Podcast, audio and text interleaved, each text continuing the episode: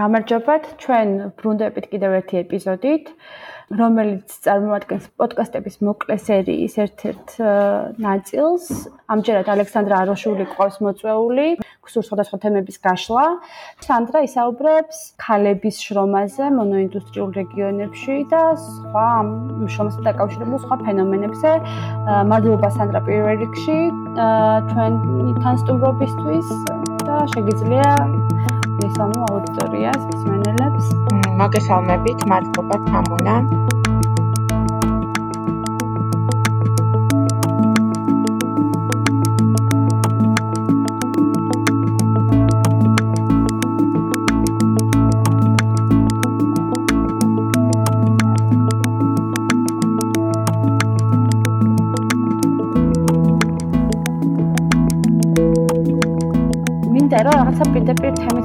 დავიწყოთ. შენ სანდრა მუშაობდი ჩვენი პროექტის პარკლებში, რომელიც სამთამოპოვებით ინდუსტრიებს და მასთან დაკავშირებულ სოციალურ და ეკოლოგიურ ასპექტებს ეხება. ამ პროექტის პარკლებში მუშაობდი ერთ-ერთ ყველაზე საინტერესო ჩემი აზრით თემაზე, რომელიც ეხებოდა ქალების მიგრაციას მონოინდუსტრიული რეგიონებიდან და ჩვენ შევეცადეთ, რომ ესე იგი ექსტრაქტივიზმის კონცეფტი, რომელიც გულისხმობს რაღაცა ბუნებრივი წია, ბუნებრივი გარემოდან ბიოლოგიური თუ სხვადასხვა მატერიალური რესურსების ამოღებას და მის ექსპორტს რეალიზების მიზნით არ არ დაგვეყვანა მხოლოდ მატერიალურ რესურსებამდე და შევეცადეთ გაგვეფართოვებინა ხო? ეს ექსტრაქტივიზმის კონცეფტი და შეგვეხედა ასევე ისეთი არამატერიალური რესურსების ექსტრაქტივიზმისთვის როგორიც არის მაგალითად ცოდნა როგორიც არის ადამიანის ხეულების შრომა და შენ თემა ძალიან სპეციფიური და ინოვაციური იყო ამ მიმართულებით, იმიტომ რომ ჩვენ შევეცადეთ ზრუნვისთვის, ადამიანური ზრუნვისთვის, რომლის მთავარი წარმოებლებიც, ესე ვთქვათ, და მთავარი რესურსიც წარმოადგენს ქალს, აი ამისთვის შეგვეხედა და გაგვეანალიზებინა თუ როგორ შენ ამ შენ სტატიაში აანალიზებ როგორ მოგზაურობს ერთის მხრივ ბუნებრივი რესურსი ჭიათურიდან წამოსული ბუნებრივი რესურსი რომელიც არის ეგრეთ წოდებული შავი ოქრო მანგანეცი და მეორე მხრივ ქალები შრომისთვის ემიგრაციაში წასული ქალები როგორ მოგზაურობენ გლობალურ ბაზრებზე და როგორ იძლევა ამ რესურსებს ღირებულება, როგორ ხდება მათი დევალვაცია და ესე შემდეგ. ხო, აი, ხა ამ თემით დავიწყოთ და შემდეგ შემნელნელა შეგვიძლია გავშალოთ სხვა მიმართულებითაც. პირველ რიგში მადლობა ამ პროექტში ჩართულობის შესაძლებლობისთვის, რომელმაც საშუალება მომცა რომ ამ თემაზე მემუშავა და აა სწორედ იმიტომ რომ ეს საკითხი არ მოიცავს მხოლოდ ექსტრაქტივიზმზე, მსჯელობას და ანალიზს, ასევე არ მოიცავს მხოლოდ ქალთა შრომას და უფრო კომპლექსური საკითხია, ძალიან ბევრ განზომილებაში გაიშალა და ამიტომ სწორედ ამიტომ ვფიქრობ, რომ დღეს არის განსაკუთრებით საინტერესო მსგავსი ტიპის მოხელთება დღევანდელი ყოველდღიურობის, ხო? და იმისთვის რომ პრინციპში ჩვენ რაღაცნაირად გავიგოთ რა არის დღევანდელ ექსტრაქტივიზმში, დღევანდელ კაპიტალიზმში განსაკუთრებული, იმიტომ რომ არც ექსტრაქტივიზმია ახალი და ისტორიულად და არც ქალთა შინშრომის გაყიდვა ახალი, ხო? ამის პრაქტიკები დიდი ხანია არსებობს, მაგრამ ჩვენ ეს გვაინტერესებს სწორედ ასე ვთქვათ, გლობალიზაციის ჩარჩოში და სწორედ ნეოლიბერალიზმის შემდეგ, რადგან თვითონ ექსტრაქტივიზმიც და შრომითი ურთიერთობებიც აი ამ პროცესების შემდეგ იცვლის სახეს და იღებს ძალიან სპეციფიურ ხასიათს. ძალიან მოკლედ რომ მოვხატო რას გულისხმობთ, ალბათ უნდა ვთქვათ, რომ თუ ექსტრაქტივიზმი ადრე შემოიფარგლებოდა როგორც ჩვენ თქვი ბუნებრივი რესურსების ამოღებით, მსოფლიო ბაზრისთვის, დღეს უკვე ეს ექსტრაქტივისტული ლოგიკა, ანუ ამომღები მომპოვებლური ლოგიკა ვრცელდება ისეთ სფეროებზეც, რაც იქამდე წარმოუდგენელი იყო ტრადიციულ კაპიტალიზმში და ეს არის ალბათ სწორედ ესე კაპიტალის გაფართოების დღევანდელი ფაზა, ხო? როდესაც ჩვენ ვხედავთ აი ამ კაპიტალის მოძრაობას, რომელიც აღარ ჩერდება არამხოლოდ გარემოს და სივრცითი, სივრცის საზღვრებთან, არამედ ის აღარ ჩერდება ადამიანის ხეულის საზღვრებთანაც, ხო, რომელიც რაც იყო ფიზიკური დღეს უკვე შეიძლება იყოს ფსიქოემოციური, ანუ კაპიტალის ლოგიკა, ექსტრაქტივისტული ლოგიკა, ასე ვთქვათ, ასე დავარქვათ, როგორც თანამედროვე კვლევებში ეძახიან. აა უკვე ფართოვდება ადამიანის შიგნით და ის მან შეიძლება თუ ის აზიანებდა გარემოს და ბუნებას დაუშვათ ტრადიციული ექსტრაქტივიზმის შემთხვევაში დღეს მას შეიძლება დააზიანოს ისეთი მნიშვნელოვანი სფეროები როგორც არის ადამიანის ფსიქოლოგიური დგრადობა ან ადამიანური გაცვლის და ადამიანური კომუნიკაციის იქამდე არსებული ფორმები ხო? სანამ მას აითვისებდა ეს საბაზრო ფორმები სწორედ ამიტომ ჩემ ჩემთვის ერთ-ერთი მთავარი კითხვა ამ სტატიაში უკავშირდება სწორედ აი იმ საკითხს, რომელიც დღეს ძალიან აქტუალურია. ეს არის არაგანახლებადობის, ესეც კვალწარმოების შეწყვეტის საკითხი და ჩვენ ვიცით, რომ ზოგადად კაპიტალიზმის ახასიათებს, ხო? და სწორედ იგივე ბუნებრივი გარემოს რეაქცია მასზე არის ამის შეცვლა ამის გამოვლინება უფრო სწორად, ანუ ის კლიმატის ცვლილება იქნება თუ სხვა კრიზისები, რომელიც სწორედ აი ამ მომპოვებლური და ამომღები ბრუტალური ლოგიკის შედეგად უფრო და უფრო არაგანახლებადად აქცევს გარემოს. და შეგვიწევს დაკვირვება უკვე ისეთი ფენომენების არაგანახლებადად ქცევაზე, რაც სხვა ფორმებია სიცოცხლის, ხო? ეს არის სოციალური წარმოება, ეს არის ემოციური განახლება და ასე შემდეგ. ალბათ ეს არის ძირითადი კითხვა. შენი სტატია რასაც ძალიან დამაფიქრებელი არის, აი ამ მიმართულებით და მაინც აი რაღაცა ეს კითხვა არის, რაც ყველაზე მეტად მიტრიალებს თავში და არ ვიცი ხამას ისე ზოგადად ვსვამ და შეიძლება პასუხი არ გქონდეს არც ერთს, მაგრამ ამაზე მსჯელობა და მკითხვის დასმა მნიშვნელოვანი მგონია.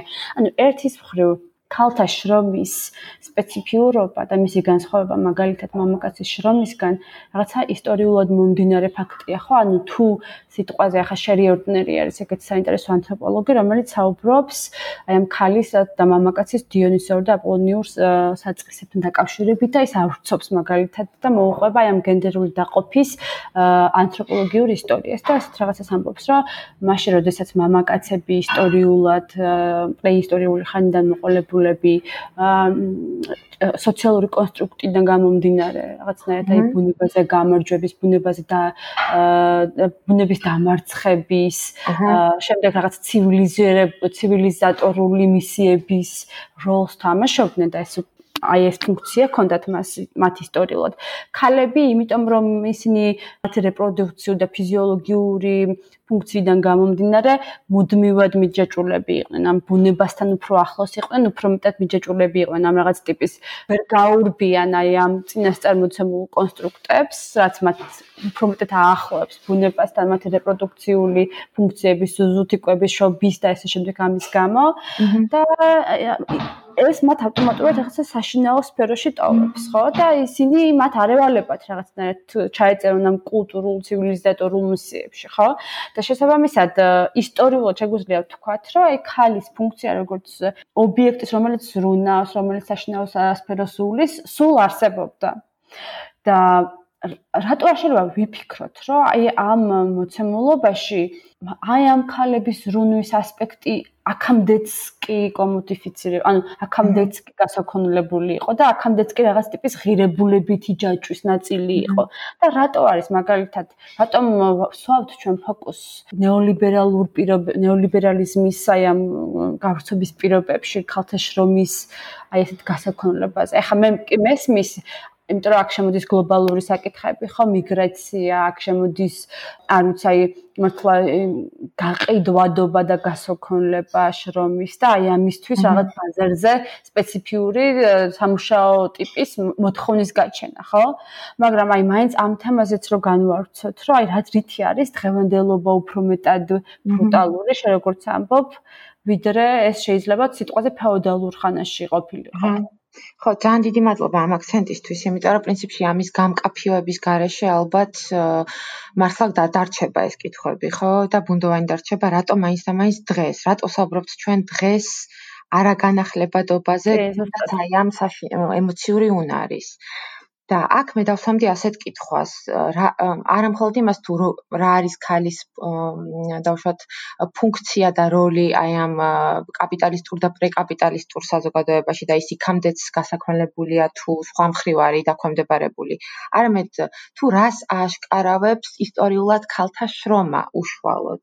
და რა თქმა უნდა ეს ნუ იგივე რა ვიცი ანთროპოლოგები სხვა სხვა ანთროპოლოგიურ კვლევებშიც რო გადავხედოთ, ხო, არა მხოლოდ პოლიტეკონომიურ და სოციოლოგიურ მიდგომებში, ხალი ყოველთვის არის ისტორიულად ეს რაღაც გაცვლის საშუალება და ის ყოველთვის აღქმულია როგორც რაღაცა ტიპის ნედლი რესურსი. მაგრამ ამ შემთხვევაში ჩვენ ვსაუბრობთ ახალი ტიპის ბაზარზე, რომელიც ითვლის მილიონობით ქალს სწორედ მიგრაციის შედეგად საკუთარი ქვეყნებიდან გადინებულს და რაც უკავშირდება კონკრეტულ წარმოებით და სოციალურ ცვლილებებს, კონკრეტულ გადაწყობას მსოფლიო ეკონომიკური წესრიგის. აი ამ ახალ გლობალურ რესტრუქტურიზაციას წარმოების, ხო? და რატოა ეს მნიშვნელოვანი? იმიტომ რომ თუ თავშოთ როგორც ჩვენ თქვი, ბუნებაც და ქალთა შრომაც უბრალოდ ბუნება და ქალთა შრომა, აი თუნდაც რო ჩავხედოთ ეკონომიკურ თეორიებში, ხო? აი როგორც ნეოკლასიკოსი ისე მარქსისტი ეკონომისტებისთვის, ქალთა შრომა როგორც ბუნება არის გარე საკითხები, ეს რაღაც თითქოს გარე ეგზოგენური ფაქტორები არის, ანუ შიდა აი ამ რაღაცა მთავარ ეკონომიკურ ცირკულაციაში არ მოიაზრება. თუ კი აი ეს ორი ამ ორი ფაქტორიდან რომელიმე გავლენას ახდენს ეკონომიკაზე, ეს დიდი ხნის განმავლობაში მიიჩნეოდა როგორც გარე შოკი. იქამდე სანამ ისევ ქალთა შრომაზე დაკვირვება არ გამოაშკარავებდა იმას და მხოლოდ ქალთა შრომაზე დაკვირვება შეეძლო ეს გამოაშკარავებინა, იმიტომ რომ როგორც თქვით ის სპეციფიური შრომა. ის რაღაც ისე ძავლენს, რაც ტრადიციულ სამუშაო ძალზე დაკვირვებით არ გამოაშკარავდება. და სწორედ ამან შეძლო, რომ ქალთა ყოველწარმოების შრომა, ეს საშინაო შრომა, გვეღიარებინა როგორც კაპიტალის დაგროვებაში ერთ-ერთი რგოლი, ხო, რომელსაც ასევე კონტრიბუციაში არა მხოლოდ ამ წარმოების შრომას. და დღეს, როდესაც შეცვლილია ეს წარმოებით და სოციალური ურთიერთობები და რამ ხრივ არის შეცვლილი? ერთის მხრივ, როგორც თქვით, ეს გლობალიზებული კაპიტალის შედეგად გამოწვეული სხვადასხვა წარმოების გადაწყობით და რამაც გამოიწვია შემდეგ ეს მიგრაცია განვითარებადი ქვეყნებიდან მასობრივი ქალების და შემდეგ უკვე პოსტსაბჭოთა ქვეყნებიდან და მეორე მხრივ ეს გადაწყობა გამოიხატება თავად ტრადიციული კაპიტალისტური საოჯახო შრომის დანაწილების გაქრობაში.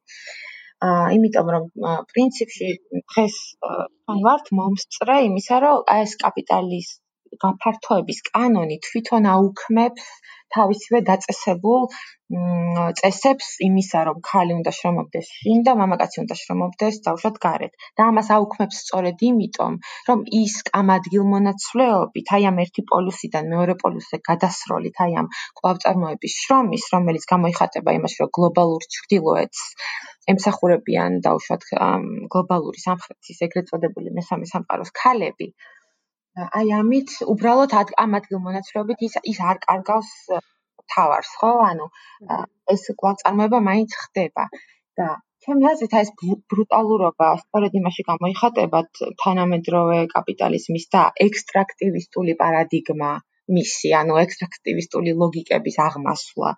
რომ მას არ აინტერესებს რა დაემართება, როგორც მას არ აინტერესებს დღეს უკვე რა დაემართება იმ გარემოს, რომლიდანაც ის ამოიღებს წიაღისეულს, მას არ აინტერესებს რა დაემართება იმ ფსიქოთუნდაც ფსიქოემოციურ რომლიდანაც ის იღებს სპეციფიკურ სამუშაო ძალას და რატომ არის ეს სამუშაო ძალა სპეციფიკური ამ შემთხვევაში ისევ ქალების შინ შრომასთან შედარებით, ხო? ანუ რით განსხვავდება ეს შრომა სახლში შინ და რით განსხვავდება ეს შრომა საბაზრო ურთიერთობად ქცევისას? როდესაც ის იყიდება.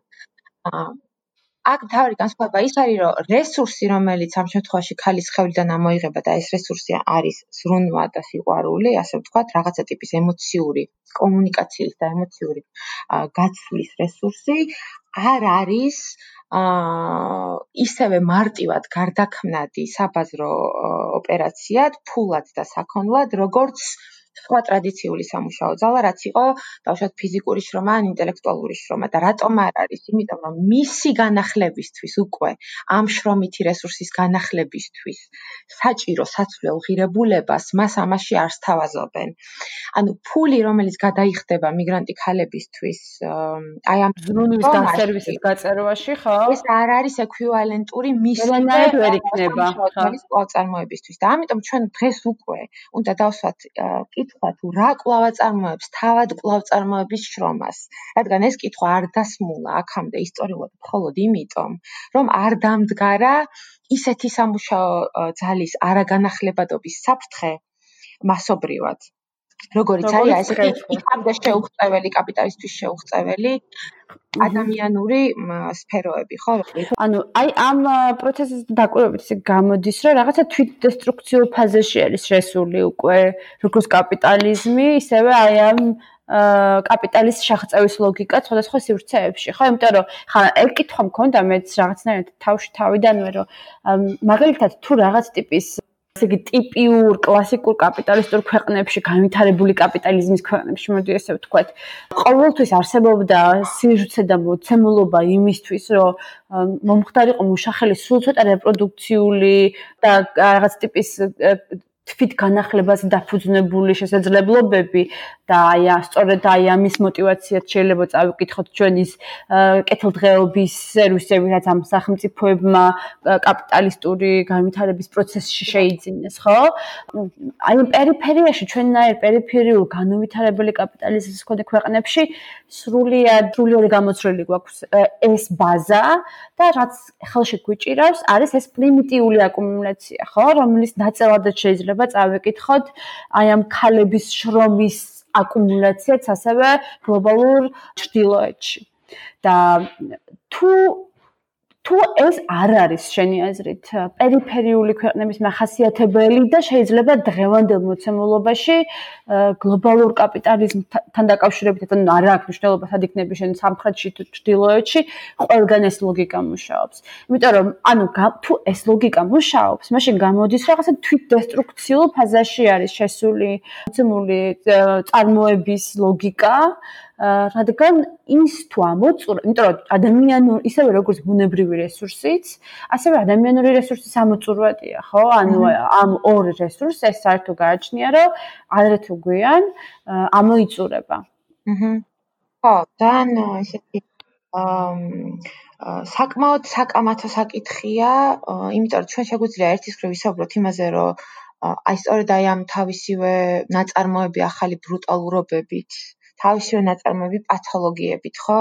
თავისივე ტრადიციულ კანონებთან მიმართებაში კაპიტალიზმი თითქოს შედის თვითდესტრუქციულ ფაზაში, მაგრამ მეორეს მხრივ ჩვენ შეგვიძლია ვისაუბროთ იმაზე, რომ აა შრომა ანუ სამუშაო ძალა შედის თვით შეყავს მას დესტრუქციულ ფაზაში ისე რომ მან არ შეწყვიტოს დაგროვება. აი მე უფრო აი ამ მეორე ვარიანტს უფრო გავშლიდი, იმიტომ რომ პრინციპში იგივე ეს გადაც აი რომ დაუბრუნდეთ ისე ნეოლიბერალიზმს, ხო და რატო ვიღებთ ჩვენ ამას ათვლის წერტილად? აქ ძალიან მნიშვნელოვანია ის, რომ როგორც შენ თქვი, თუ ტრადიციული სამუშაო ძალის განახლება იყო ყველას ინტერესში, იმიტომ რომ ისჭირდებოდა კაპიტალს, ისჭირდებოდა სახელმწიფოს და ასე შემდეგ, ხო? ისე ნეოლიბერალიზმიდან სერვისის სფეროს განვითარება პრინციპში რას ნიშნავს, რომ ეს არის სამუშაო, რომელსაც აღარ ჭირდება არავითარი ტიპის კვალიფიკაცია და შესაბამისად იქ ადამიანი არის ყველაზე ადვილად ჩანაცვლებადი. აქაც ისევე როგორც ზრუნვის შრომის შემთხვევაში იყიდება ემოციური უნარები, ხო? ანუ თანამედროვე შრომის ბაზარი ხდება უფრო და უფრო მეტად ადვილად ჩანაცვლებად მუშახელზე დამოკიდებული. შესაბამისად მათი მათი კვლავ-წარმოება, მათი ინდივიდუალური კვლავ-წარმოება კონკრეტული ადამიანებისა აღარ არის მნიშვნელოვანი კაპიტალიზმისთვის. ერთი განადგურდება, მას ავსებად ჩანაცვლებს მეორე და ამას აწარმოებს ისევ იგივე ეს მასობრივი სიღარიბე და უთანასწორობა, რაც არის მესამე სამყაროს ქვეყნებში. ხო, ანუ მოთხოვნა ამ ტიპის სამუშაოზე მოთხოვნაც და მიწოდებაც ამ ტიპის სამუშაოზე იმდენად ძლიერია, რომ კონკრეტული ოჯახში ნამეურნეობების და კონკრეტული ადამიანების კვალწარმოება თანამედროვე კაპიტალიზმისთვის აღარ არის მნიშვნელოვანი. ის აგრძელებს დაგროვებას და მიმოქცევას აი ამ ტრადიციული ფორმების გარეშე კვალწარმოების, რაც იყო თავის დროზე დაუშვათ ტრადიციული სამუშაო ძალის განახლებისთვის და კვალწარმოებისთვის აუცილებელი ანაზღაურების თუ სერვისების მიცემა თუ კეთილდღეობის სერვისები, ხო? კი. ხო, ძალიან ბევრი კარგი საინტერესო თამაშები ახეთ მე მგონი და არ ვიცი, ძალიან მნიშვნელოვანი საკითხია თითეული მათგანი დაწყებული ამ ცვლილებებიდან დამთავრებული იმ განსხვავებებით, რაც დღევანდელ მოცემულობაში გვაქვს. აა უბრალოდ ახლა მე რაღაცნაირად მინდა დავბრუნდეთ ჭიათურაში და თქვათ ესე იგი რა სიტუაცია გვაქვს ჭიათურაში. ანუ ფაქტიურად ჭიათურის შემთხვევაში არსებობს ეს მოცემულობა, რაღაცნაირი ერთი შეხედვით იდეალური მოცემულობა, რომელსაც კაპიტალიზმი რაღაც ტრანზიციის და სულ ცოტა 90-იანების დასაწყისში კვირდებოდა ეს ჩვენი წარმოდგენებით, რომ აი არსებობს გვაქვს საწარმოო რესურსები, გვაქვს ბუნებრივი, მდიდარი ბუნებრივი რესურსი, არსებობს სამუშაო ძალა, თითქოს არსებობს თავისუფალი ბაზარი, ასევე. იდეალური გარემო ერთი შეხედვით იმისთვის, რომ ყველაფერი კარგად იყოს და მუშახელი იყოს ბედნიერი ამ იდეალურ კაპიტალისტურ მოცემულობაში, როდესაც ყველაფერი სახეზე გვაქვს. თუმცა ფაქტი არის, რომ აი სრულიად ამის საპირისპირო სიტუაციასთან გვაქვს საქმე, ანუ იმის ნაცვლად, რომ ყველა დასაქმებული იყოს, ყველა ბედნიერი იყოს, კარგად ცხოვრობდეს ამ თავისუფალი ბაზრის სიკეთეებით სარგებლობდნენ ეს ადამიანები, სრულიად მორღვეული სოციალური სოციალური ქსოვილი, დეგრადირებული ბუნებრივი გარემო, ეკოლოგიური კატასტროფები არ ქვია ალბათ იმას, რაც ამ ქალაქს ჭირს, ამის მიღმა არის გასული. და რაღაც ჯანმრთელობის სერიოზული პრობლემები, ანუ ონკოლოგიური დაავადებების უზარმაზარი წილი და ეს რაღაცა სოციალური სტაგნაციაც, ხო, ეხა სრულიად არ მინდა ეს ადამიანებამდე დავიდეს, მაგრამ ეს ალკოჰოლიზმის მაღალი დონე რაღაცები არის სოციალური ფონიდან გამომდინარე ტიპის პათოლოგიები, ხო? და აი ამოცემულობაში ხა ქალებს, როდესაც ქალების შრომაზე როცა ვსაუბრობ და მიგრაციაზე, შეიძლება არა ვფიქროთ, რომ ქალებისთვის შესაძლოა ცენტრ აი ამ გარემოდან საერთოდ წასვლა და ამ გარემოდან გაცვლა რაღაც ტიპის პოზიტიური ალტერნატივაც იყოს, ვიდრე აი ასეთ გარემოში დარჩენა.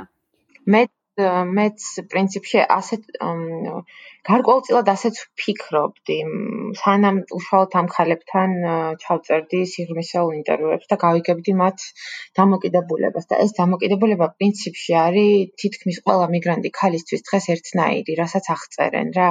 ეს დამოკიდებულება მდგომარეობს შემდეგში, რომ ну, ამ შემთხვევაში ჩვენ ვიმუშავეთ ჭიათურიდან წასულ ქალებზე, იმიტომ რომ ჭიათურა საქართველოში ალბათ არის ყველაზე თვალსაჩინო ილუსტრაცია იმ ტენდენციისა, რასაც დღეს განიცდიან მსგავს ქვეყნებში ეს ეგრეთ წოდებული კუმშვადი ქალაქები, ხო, მათ შორის პოსტსაბჭოთა სივრცეში. და რას ნიშნავს ეს რომ ესე იგი ქალაქები რომლებიც ოდესღაც იყო რაღაცა ტიპის სიცოცხლით, რაღაცა ტიპის ეკონომიკით, რაღაცა ტიპის სოციალური ურთიერთობებით, კულტურული ურთიერთობებით სავსე, თუნდაც ის ყოფილიყო მხოლოდ ერთ საწარმოზე მიბმული და სწორედ აი ესეთი ქალაქები განიცდიან დღეს ყველაზე დიდ შეკუმშვას, ასე ვთქვათ. აი სწორედ აი ამ ნეოლიბერალიზმის შემდეგ, რომელიც წარმოშობს გლობალურ ქალაქებს, ანუ რამდენიმე ქალაქში გლობალურად კონცენტრირდება ყველა ტიპის რესურსი. იქნება ეს ეკონომიკური შრომითი, კულტურული, ინფრასტრუქტურული თუ სხვა და დანარჩენი ქალაქები განიცდიან გადინებას, როგორც ესე იგი ადგილობრივი რესურსების, ისე ადამიანების, ისე ზიანდება ინფრასტრუქტურა და აი რაღაცა ნახევრად მიტოვებული ქალაქების რეჟიმში არიან, ხო? მიუხედავად მიუხედავად იმისა, რომ ჭიათურაში წარმოება კვლავ გრძელდება და ვიცით რომ არათუ გრძელდება, არამედ მარაგები ჯერ მგონი მხოლოდ 60%-ია მოპოვებული, ანუ ამ ქალაქს არ უდგას უშუალოდ ეგეთი ეგეთი კატასტროფული ვითარება, რომ სულ ზღაფავს, ხო? იქ მიწარმოება ერთ-ერთი ყველაზე ძვირფასი ამოიღება და გადის ექსპორტზე ერთ-ერთი ყველაზე ძვირი და ძვირფასი რესურსი, რომელიც ჯერ კიდევ ბევრია. მიუხედავად ამისა, ის განიცდის აი ამ შეკუმშვას და აი ამ დაცლას ყველანაირი რაღაცა სოციალური თუ ეკონომიკური სიცოცხლისგან ადამიანების დონეზე და შინამეურნეობის დონეზე სწორედ იმიტომ რომ აი ეს აი ეს ის სწორედ ის რაც დაემართა მას 90-იანების შემდგომ, ხო? და თითქოს აჰა ამისთვის ამას უნდა მოეწანა ადამიანებისთვის რაღაცა გარკვეული სიკეთეები. აი სწორედ იმის ნაწილია, რაზეც ვისაუბრეთ, რომ ეს არის პრინციპში ნეოლიბერალიზმი, ნეოლიბერალური რეფორმები რა არის, ხო? ეს არის კაპიტალის გლობალიზაციის შემდგომ მისი თავისუფალი მოძრაობისთვის უშუალოდ უკვე კონკრეტულ ქვეყნებში და ქალაქებში, ანუ საზღვრების მიღმა, ყველანაირი ბარიერის გაქრობა, მისი თავისუფალი მოძრაობისთვის, ხო? და პრინციპში მიუხედავად იმისა, რომ ჭიათურაში დაახლოებით 90-იანებში, ისევე როგორც მთელ საქართველოში იყო გაჭირვება და სოციალური კრიზისი, სტრუქტურული ტრანსფორმაციის გამო, და ეს იყო ამ საბაზრო ეკონომიკაზე გადასვლის გამო მე ვიტყოდი რომ უშუალოდ სოციალური კვალწარმოების კრიზისი ჭიათურაში უფრო მეტად იწყება 2003 წლის შემდგომ როცა იწყება ნეოლიბერალური რეფორმები. და ეს მნიშვნელოვანია, იმიტომ რომ მხოლოდ რაღაცა ტიპის ეკონომიკური კრიზისი განვითარება, განვითარების ან რაღაცა ტიპის გარდამავალობა ან ტრანსფორმაცია კი არ იწევს იგივე თუნდაც აი ამ ქალების გადინებას რა, უფრო სტრუქტურულად რო შევხედოთ. არამედ იწევს სწორედ რაღაცა ტიპის კონკრეტული განვითარების ტიპი და ამაზე საუბრობს ბევრი მკვლევარი, იმიტომ რომ სანამ ადამიანებს თავის საკუთრებაში ჯერ კიდევ აქვთ მიწები, სანამ ადამიანებს ჯერ კიდევ აქვთ რაღაცა ტიპის კაპიტალი და მათი მონეტარულ შემოსავლებზე დამოკიდებულება უფრო ნაკლებია ვიდრე სხვა ტიპის კაპიტალზე, მათ შეუძლიათ ასეთი კრიზისები გადაიარონ. ისე, რომ ამან არ გამოიწვიოს ეს უკიდურესი დეგრადაცია ქალაქების სოციალური ურთიერთობების და გადინება ხო ადამიანების. მაგრამ როდესაც ეს ყველაფერი ექვემდებარება პრივატიზაციას და აპროპრიაციას და აღარაფერი აღარ რჩება იმისთვის, რომ ადამიანებმა თავისი ბაზისური საჭიროებებისთვის აუცილებელი შემოსავლები გამოიმუშაონ, თუნდაც ასეთი ტიპის საწარმოში მუშაობით, იქ უკვე იწყება ესეთი მძიმე კრიზისი სოციალური ვავწარმოების, რაც აღარ უტოვებს ადამიანებს საშუალებას, რომ დარჩნენ საკუთარ ქალაქში. ამ შემთხვევაში ქალების გადინება იმიტომ არის ძალიან მასშტაბური, რომ რადგან ამ ქალების ცხოვრება, ჭიათურელი ქალების ცხოვრება ყოველთვის იყო დაკავშირებული ირიბად მაღაროსთან, იმიტომ რომ მათი მეუღლეები შვილები მაინც მუშაობდნენ იქ, ისინი მარჩენალები ხდებიან სწორედ იმის შემდეგ, რაც აი ამ დაუარესებული ეკოლოგიური მდგომარეობის შედეგად ან რაღაცა დამწვერიანებით და ესეთი სპეციფიკური პროფესიული დაავადებებით ეგრეთ წოდებული უავადდებათ მეუღლეები, ან კარგავენ მეუღლეებს რაღაცა საწარმოო ტრაუმების შედეგად, ან ოჯახისთვის მიღებული შემოსავალი ამ საწარმოდან აღარ არის საკმარისი სოციალური ფიზიკური კვალწარმოებისთვის. და ამ ქალების დამოკიდებულება არის შემდეგი რომ სულ რომ მეშვიდეთი ხელფასი გქონდეს იმისა რაც გვაქვს დღეს აი ამ აა სხვა ქვეყნებში და ეს არის ჩვენ შემოსალებთან შედარებით ხადია გაცილებით მაღალი ანაზღაურება იმიტომ რომ სხვა ვალუტაშია ისინი ამჯობინებდნენ დაბრუნებას და ამას ამბობს ყველა და აი აქ არის სწორედ საინტერესო მათი მდგომარეობა და აქ არის სწორედ აქ გამოჩდება სწორედ აი ის ახალი რაღაცა ბრუტალური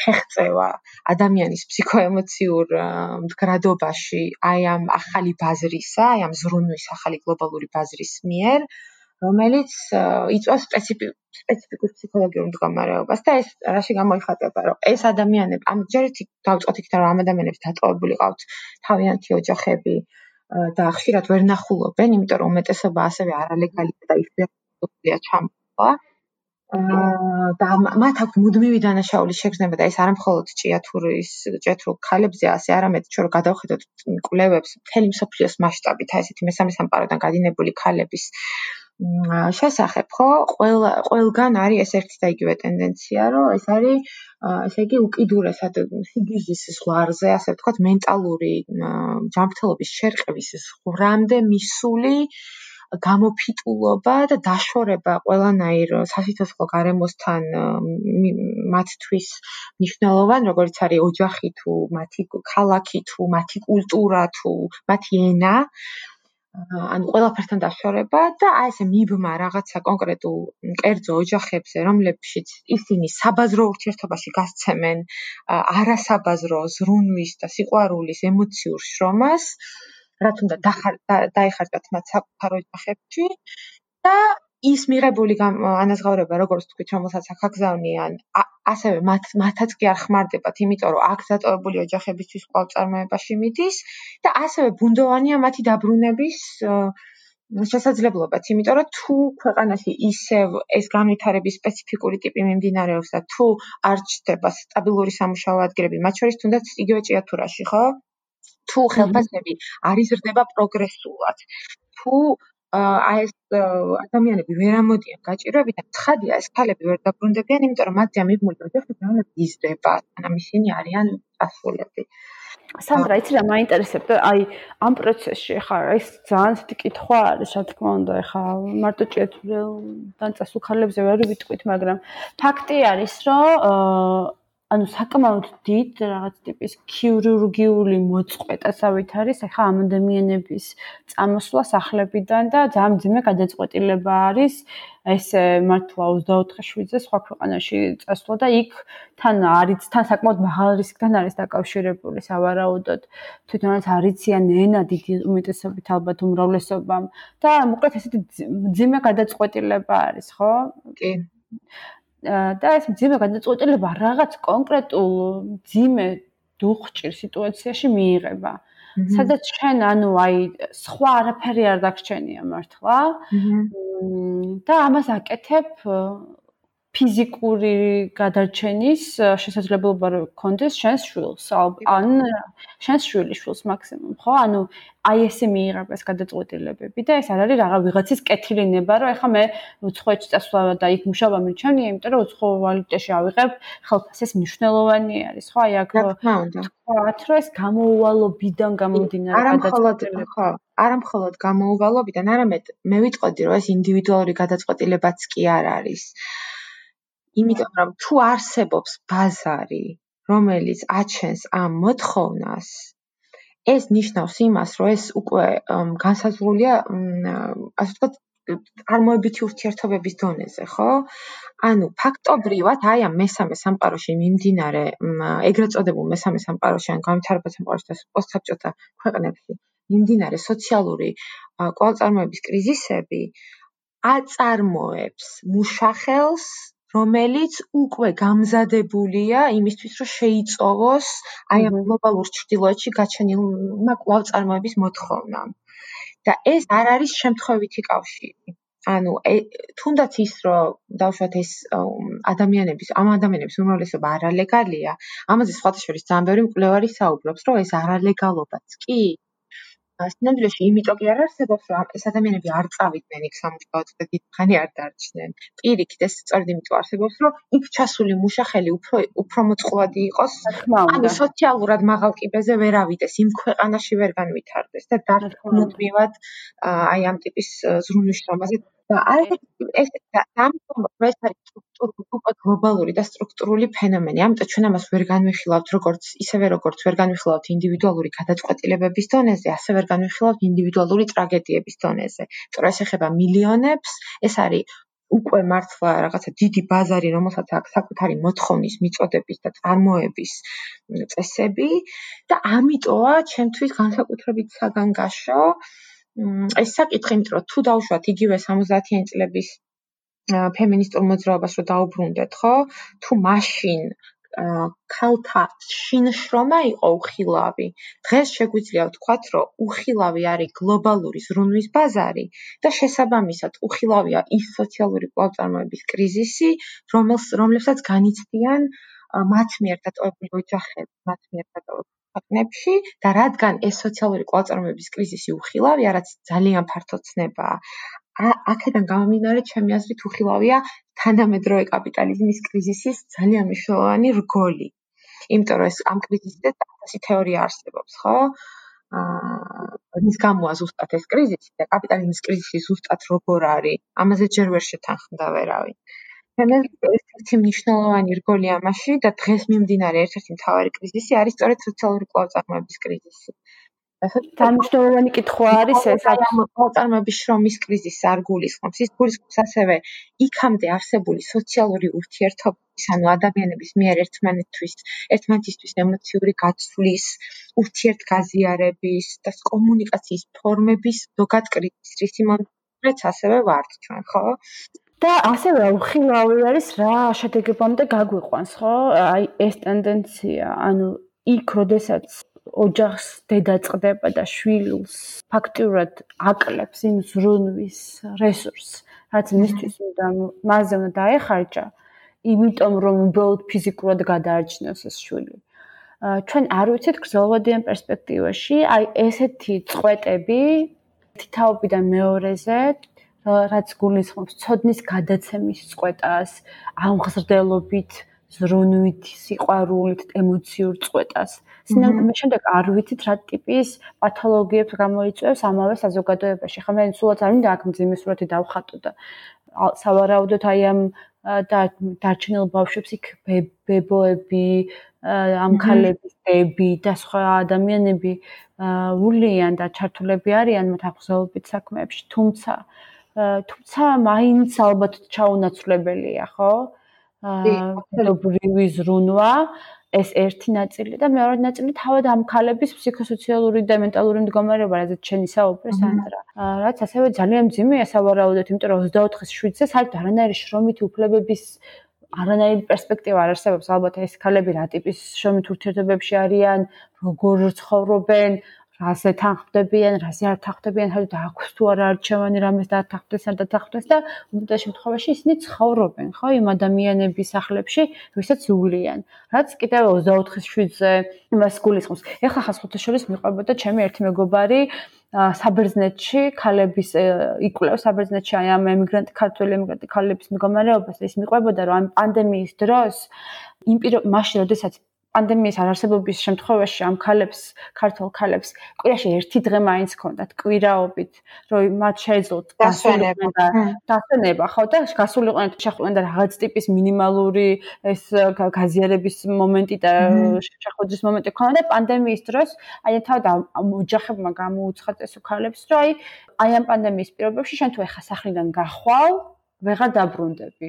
ანუ ფაქტიურად ამოუქოლეს იმ ერთდღიანი დასვენების შესაძლებლობაც და რა ვიცი ახლა ბოლოსკენ რო წავიდეთ თუ გინდა შენ თუ გაქვს რამე დაკვირვება აი ეს კორონავირუსის ეს პანდემია ეს каранტინი, აი კიდე რა დამატებით წნეხებს შევქმნათ, იმიტომ რომ ჩვენ ვიცით, რომ უამრავი პრობლემა გამოაჩინა სახელმწიფოს დონეზეც კი დადგა ემიგრანტი ქართველების მასშტაბის და მათი მდგომარეობის საკითხი, რამდენად მძიმედ არის ამ ხრივ ქვეყნის სიტუაცია და როგორ დაცლილია ქვეყანა საერთოდ.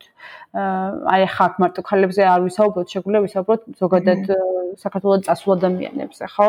რამე კონკრეტულ დაკვირვებათ უკვე გვაქვს ამ მიმართულებით? Ну ერთი დაკვირვება რაც მაქვს ის არის რომ თუ კონკრეტულად აი ამ მიგრანტ შრომელებს გავაანალიზებთ ხო მათ შრომას გავაანალიზებთ შეგვიძლია ვთქვათ რომ ისინი ალბათ რაღაცნაირად მუდმივად ამ მდგომარეობაში არიან. აა იმიტომ რასაც მათი სამუშაო გამოცდილებები აღწერს ეს არის მართლა 24 საათიანი ჩაკეტილობა და სრული იზოლაცია აა ანუ ეს არის ეს ეს არის მათი უშუალო შრომითი გამოცდილება ყველანაირ პანდემიამდე. ცხადია პანდემიის დროს ეს განსაკუთრებით მძიმდება, იმიტომ რომ ისინი არიან სრულიად მოწყვლადები უცხო ქვეყანაში, რომელსაც სამართლებრივადაც კი არ ექვემდებარებიან, რომ რაღაცა ტიპის სერვისი მიიღონ, ასე ვთქვათ.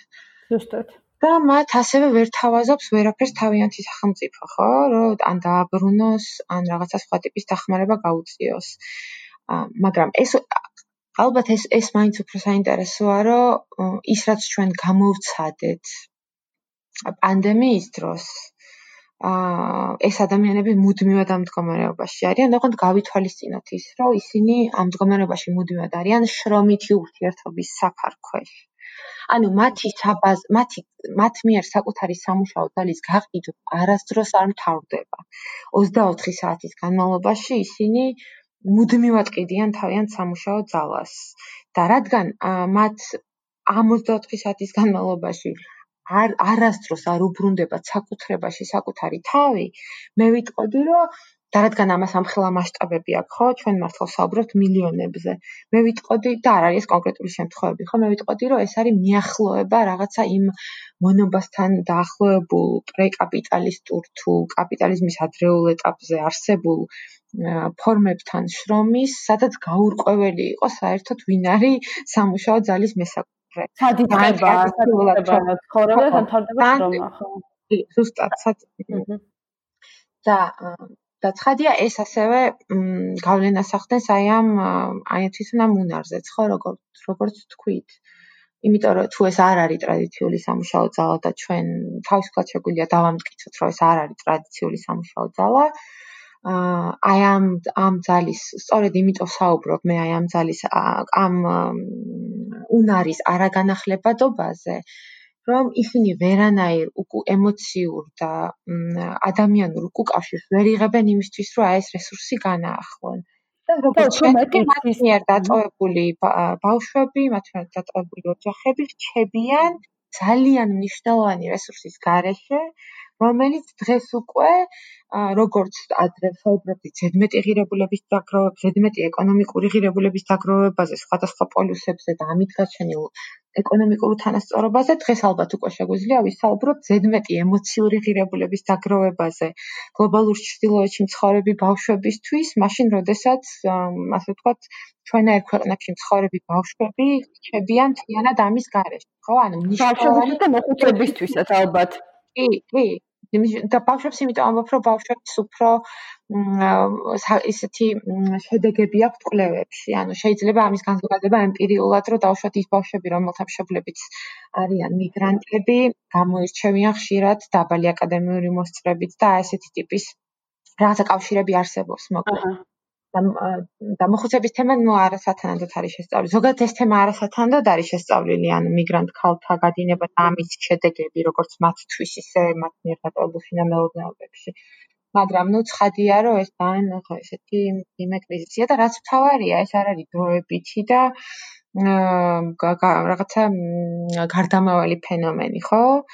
მიუხედავად იმისა, რომ ჩვენ ძალიან ბევრი ემიგრანტი ყავს საქართველოსდან გაშვებული, მაინც ეს საკითხი რაღაცა დაღიქმება ხოლმე, რომ ეს გამოიწვია 90-იანების კრიზისმა და აი მაშინ რო წავიდნენ ადამიანები, ისინი და რაც თავია მიგრაცია არ წყდება, მუდმივი გაიწნება და ეს რას თქოს, რომ ეს ზრდადი მოთხოვნაა, ამას ემსახურება როგორც ჩვენი ქვეყნის მიმდინარე განვითარების კურსი, რომელიც არ გვთავაზობს ამის შემოტრიალების არავითარ პერსპექტივას, ისე ეს გლობალური ბაზარი ხო, რომელიც არსებობს და ამ აქედან გამომდინარე ალბათ შეიძლება ვთქვათ, რომ რადგან ეს ტენდენცია მზარდია, და რადგან ასევე გაღარიბების შანსები ჩვენ ქვეყანაში არის ძალიან უცხოა უკიდურესად გაღარიბების არის ძალიან მაღალი, რომ ყველა რისთვისაც მოწყვლადი ვართ. ალბათ შეიძლება ითქვას, რომ ნებისმიერი საშუალო კლასის, არათუ დაბალი კლასის, არამედ საშუალო კლასის ქალი ჩვენს ქვეყანაში არის პოტენციური მიგრანტი ზრუნვის მშრომელი, როგორც კი მას დაუდგება მარჩენალობის ეს მომენტი. და უფრო მეტი სანდრა, ანუ ჩვენ ნახეთ ამას წინ რაღაც პანდემიამდე სულ რამოდენიმე თვით ადრე სახელმწიფო პოლიტიკის დონეზე მოხდა დაანონსება იმის, რომ აი ჩვენ ახლა ხელს შეუწყობთ მიგრაციას, იმიტომ რომ ჩვენ არ შეგვიძლია არ შეგვწევს სახელმწიფო ეკონომიკურ დონეზე იმის უნარი, რომ შევქმნათ დასაქმების ადგილები, ხო? ანუ სიტუაციასაც დაიწყო ჩვენმა მთავრობამ ფიქრი, სანამ ახლა ეს პანდემია არ დაიწყო და სათანადო ნათელი არ გახდა, რომ სისულელე არის ამაზე რამე ტიპის თუნდაც პოლიტიკური პროპაგანდის აგება, იმიტომ რომ ხო, იმიტომ რომ ეს რეალობაში არ მოჩდით და მე ის დამატება მინდოდა, შესაძლებელია საუბრობდი აი ამ ქალებს არ ეძლევათ თვით რეპროდუქციისთვის საკუთარი თავის თუნდაც მცირე დროით კონტროლში ქონის შესაძლებლობა, მათ ასევე თუნდაც იზღირებულებითი ანაზღაურება, რაც ისინი წევენ ზრუნვის შრომის საფასურად. აი ამ ღირებულებასაც კი არიტოვებენ თვითონ და დიდ ნაწილს თავიანთ ოჯახებს უგზავნიან, ხო? აჰა. ყველანაირ, ანუ არ ვიცი, ეს არის რაღაცნაირი თავგანწირო, არ ვიცი, ამაზე უფრო დიდი თავგანწიროა, ჩემთვის არ ვიცი რა უნდა იყოს მართლა. მოწყდა შენ სახს, მეგობრებს, ოჯახებს, ნათესავებს, შვილს, აი მართლა არ ვიცი. აი ხა ხო და აი საერთოდ გადადო თავი 24/7-ზე მართლა და არანაირი შენი ინტერესი საერთოდ არ გაითვალის, არ შემოიყვანო არსად. ანუ სრულად ჩამოირთვა ესე შენი აგენტობა და დადო აი ესე მართლა იმისთვის, რომ შენი ოჯახი და შენი შვილები რაღაცნაირად გადაარჩინო. აი ამაზე უფრო დიდი თავგანწირვა მე არ ვიცი დღეს რა შეიძლება იყოს რა. კი, აბსოლუტურად გეთანხმები და სწორედ იმიტომ რომ ეს საკითხები თავგანწირვის და მიუხედავად იმისა რომ ეს ხადია თავგანწირვა, მაგრამ ისევ დაუბრუნდები იმას, რომ სწორედ იმისთვის, რომ ეს საკითხები ამ თავგანწირვის და გმირობის და რაღაცა ინდივიდუალური გადაწყვეტილებების ჩარჩოში არ დარჩეს, ეს რაღაცნაირად უნდა შევძლოთ, რომ ჩვენ თვითონ უნდა შევხედოთ იმ თვალით ჩვენ თავებს და ჩვენ თანამოქალაქეებს და სოფლიოში კიდე უამრავ ადამიანს რა თვალითაც ჩვენ შეიძლება გვიყურებდეს აი ეს მომპოვებლური ლოგიკა. მე უფრო ამის მომხრე ვარ იმიტომ რომ როგორც კი ჩვენ აი ამ ზერით დავინახავთ ჩვენ თავებს იქ ჩვენ თავებს მართლა დავინახავთ როგორც ზუსტად ისევე რესურსებს რომლებიც მზად არიან ამოღებ ბატანი გადამუთავები და ბოლომდე გასაქონილებისთვის, როგორც ნებისმიერი სხვა მატერიალური რესურსები, ბუნებრივი, ხო? აა კი. აქ ალბათ მნიშვნელოვანი აი ეგეთი ტიპის კრიტიკული შემოწიალება თვალსაჩინო არის, რომ ჩვენ რაღაც მიუხედავად იმისა, რომ ჩვენ ვართ ადამიანები და ჩვენთვის ძვირფასია ეს რაღაცა ადამიანური აა თუნდაც ემოციური რაღაცა გაცვლის თუ ფუნქციონირების ზოგადად საშუალებები ჩვენ ალბათ ცოტა ხნით უნდა შევხედოთ ამ თვალით ჩვენ თავებს, იმიტომ რომ სხვანაირად ვერ აღვიქვამთ იმ რეალობას, რომელიც ცხადად არის ჩვენ წინაშე. მაგრამ ნუ ძალიან პესიმისტურადაც რო არ დავამთავროთ, ალბათ იმის თქმაც შეიძლება, რომ სწორედ იმიტომ რომ ეს არის აღმავალი ბაზარი, ასე ვთქვათ, ზრდადი და ჯერჯერობით გლობალურად არაფერი არ უდგას წინ ამის კიდევ უფრო გაფართოებას, ანუ არავით არის ესეთი მნიშვნელოვანი წარმოებითი ან სოციალური ცვლილება არ ხდება, რომ აი ამას მომავალში დაუპირისპირდეს. აი ამ მოთხოვნას კვალწარმოების შრომაზე. ასევე ამის ავტომატიზაციაც წარმოუდგენელია, ხო? დღეს ჩვენ absolutely კი. არქიული შრომის ავტომატიზაციაზე, მაგრამ ზრუნვის და ესეთი რაღაცების ავტომატიზაცია ჯერ წარმოუდგენელია. და შესაბამისად, მე ვფიქრობ, რომ ძალიან დიდი არა მხოლოდ ეს ნეგატიური და პესიმისტური დასკვნების გაკეთება შეგვიძლია, აქ არამედ შეგვიძლია ვიფიქროთ სწორედ რომ ახალ პოტენციალზე, ახალ ემანციპატორულ პოტენციალზე თუნდაც ხალხთან მიმართ, ხო? და იქნება ეს არსებული ფემინისტური პოლიტიკის თუ აქამდე არსებული ფემინისტური მოძრაობების გამოცდილებას და გადააზრება და იქნება ეს სრულიად ახალი ფორმები და ახალი ხედვა ქალთა ემანციპაციის. მე ვფიქრობ, ამაში არის დიდი პოტენციალი. მით უმეტეს ისევ რომ დაუბრუნდეთ აი იმ საკითხს, რომელიც თავში ვახსენეთ, რომ ძალიან დაკავშირებულია ერთმანეთთან აი ეს ქალები და ბუნება სიმბოლურად თუ უშუალოდ კაპიტალიზმში, ხო? და მე ვფიქრობ, რომ აა სწორედ ეს ეს ორი ფენომენი, ერთის მხრივ ეს ადამიანური ემოციური არასაბაზრო უნარები, რომლებიც აჩვენებენ თავიანთ რეაქციულ მეტამორფოზას გასაქონლებაზე და ბოლომდე არ ხდებიან გასაქონლებადი და მეორე მხრივ ეს კლიმატის ცვლილება და გარემოს კრიზისები, რომელიც ასევე თავის რეაქციას აჩვენებს აი ამ ბრუტალურ ექსპლუატაციაზე. ეს ორი საკითხი რაღაცნაირად ერთმანეთს უკავშირდება და ალბათ არ არის ფაქტი, სწორედ ქალები არიან დღეს მთელ მსოფლიოში და მათ შორის საქართველოში ჩართული აი ამ ადგილობრივ გარემოს შენარჩუნების და ესეთი ადამიანური გაცვლის და კომუნიკაციების არასაბაზრო ფორმების შენარჩუნების აქტივიზმში. ანუ ბოლომდე მოყვები ამასში და მეც რაღაცნაირად ესე ვხედავ, რომ აი, როდესაც ყველაფერი გიმტყუნებს, დღეს ესეთი მოცემულობაა ყოველ შემთხვევაში, როდესაც ყველაფერს ყველაფერებს მუშაობას და აი ესეა უნდა გადაიჩეხო სადღაც კატასტროფებში, სწორედ აი ქალები არიან ის თავარი საყრდენი, რომელიც აი რაღაცნაირად უდგება წინ წინააღმდეგობას უწევს ამ რადიკალურ სტაგნაციის და დევალვაციის პროცესს და მათ ხრებზე გადადის ეს რაღაც ტიპის გადარჩენის და სამყაროს კვლავწარმოების და შენარჩუნების ბრძოლები, ხო? ხო და თუ თუ დღევანდელი მთავარი კრიზისი ერთმანეთს არის კვლავწარმოების კრიზისი და თუ კაპიტალიზმი დღეს ემუქრება კვლავწარმოებას, მაშინ ისტორიულად კვლავწარმოებაზე პასუხისგებლები ჩვენ ვართ და შეგვიძლია ეს სხვანაირადაც გამოვიყენოთ. არ ვიცი, ამას აახალყოთ. აბსოლუტურად. მე მგონი კარგი დასასრული არის ანდრა. ეს რაღაცა რადიკალური პოტენციალის დანახვა ზოგადად ქალის სუბიექტში, როგორც თითი გამრღვევი რევოლუციონერი აქტორის სუბიექტში და ხო, ალბათ ეს ორგანიზება, მობილიზება, გაერთიანება იქნებოდა ის, რაც ყველაზე მეტად გააძლიერებდა ხო ამ ემიგრანტ ქალებს და ამის პოტენციალი შესაძლებელი და ასე გამოცდილებაც არსებობს ისტორიულად. და იმედი ვქონიათ, რომ ეს იქნება ის, რასაც წინ ვერ აღუდგება ვერამე და ვერაფერი. იმედი ვქონიათ ხო. ძალიან დიდი მადლობა ძალიან საინტერესო საუბრისთვის და ჩვენ სხვა ეპიზოდებს დავბრუნდებით კარგად. ნახვამდის.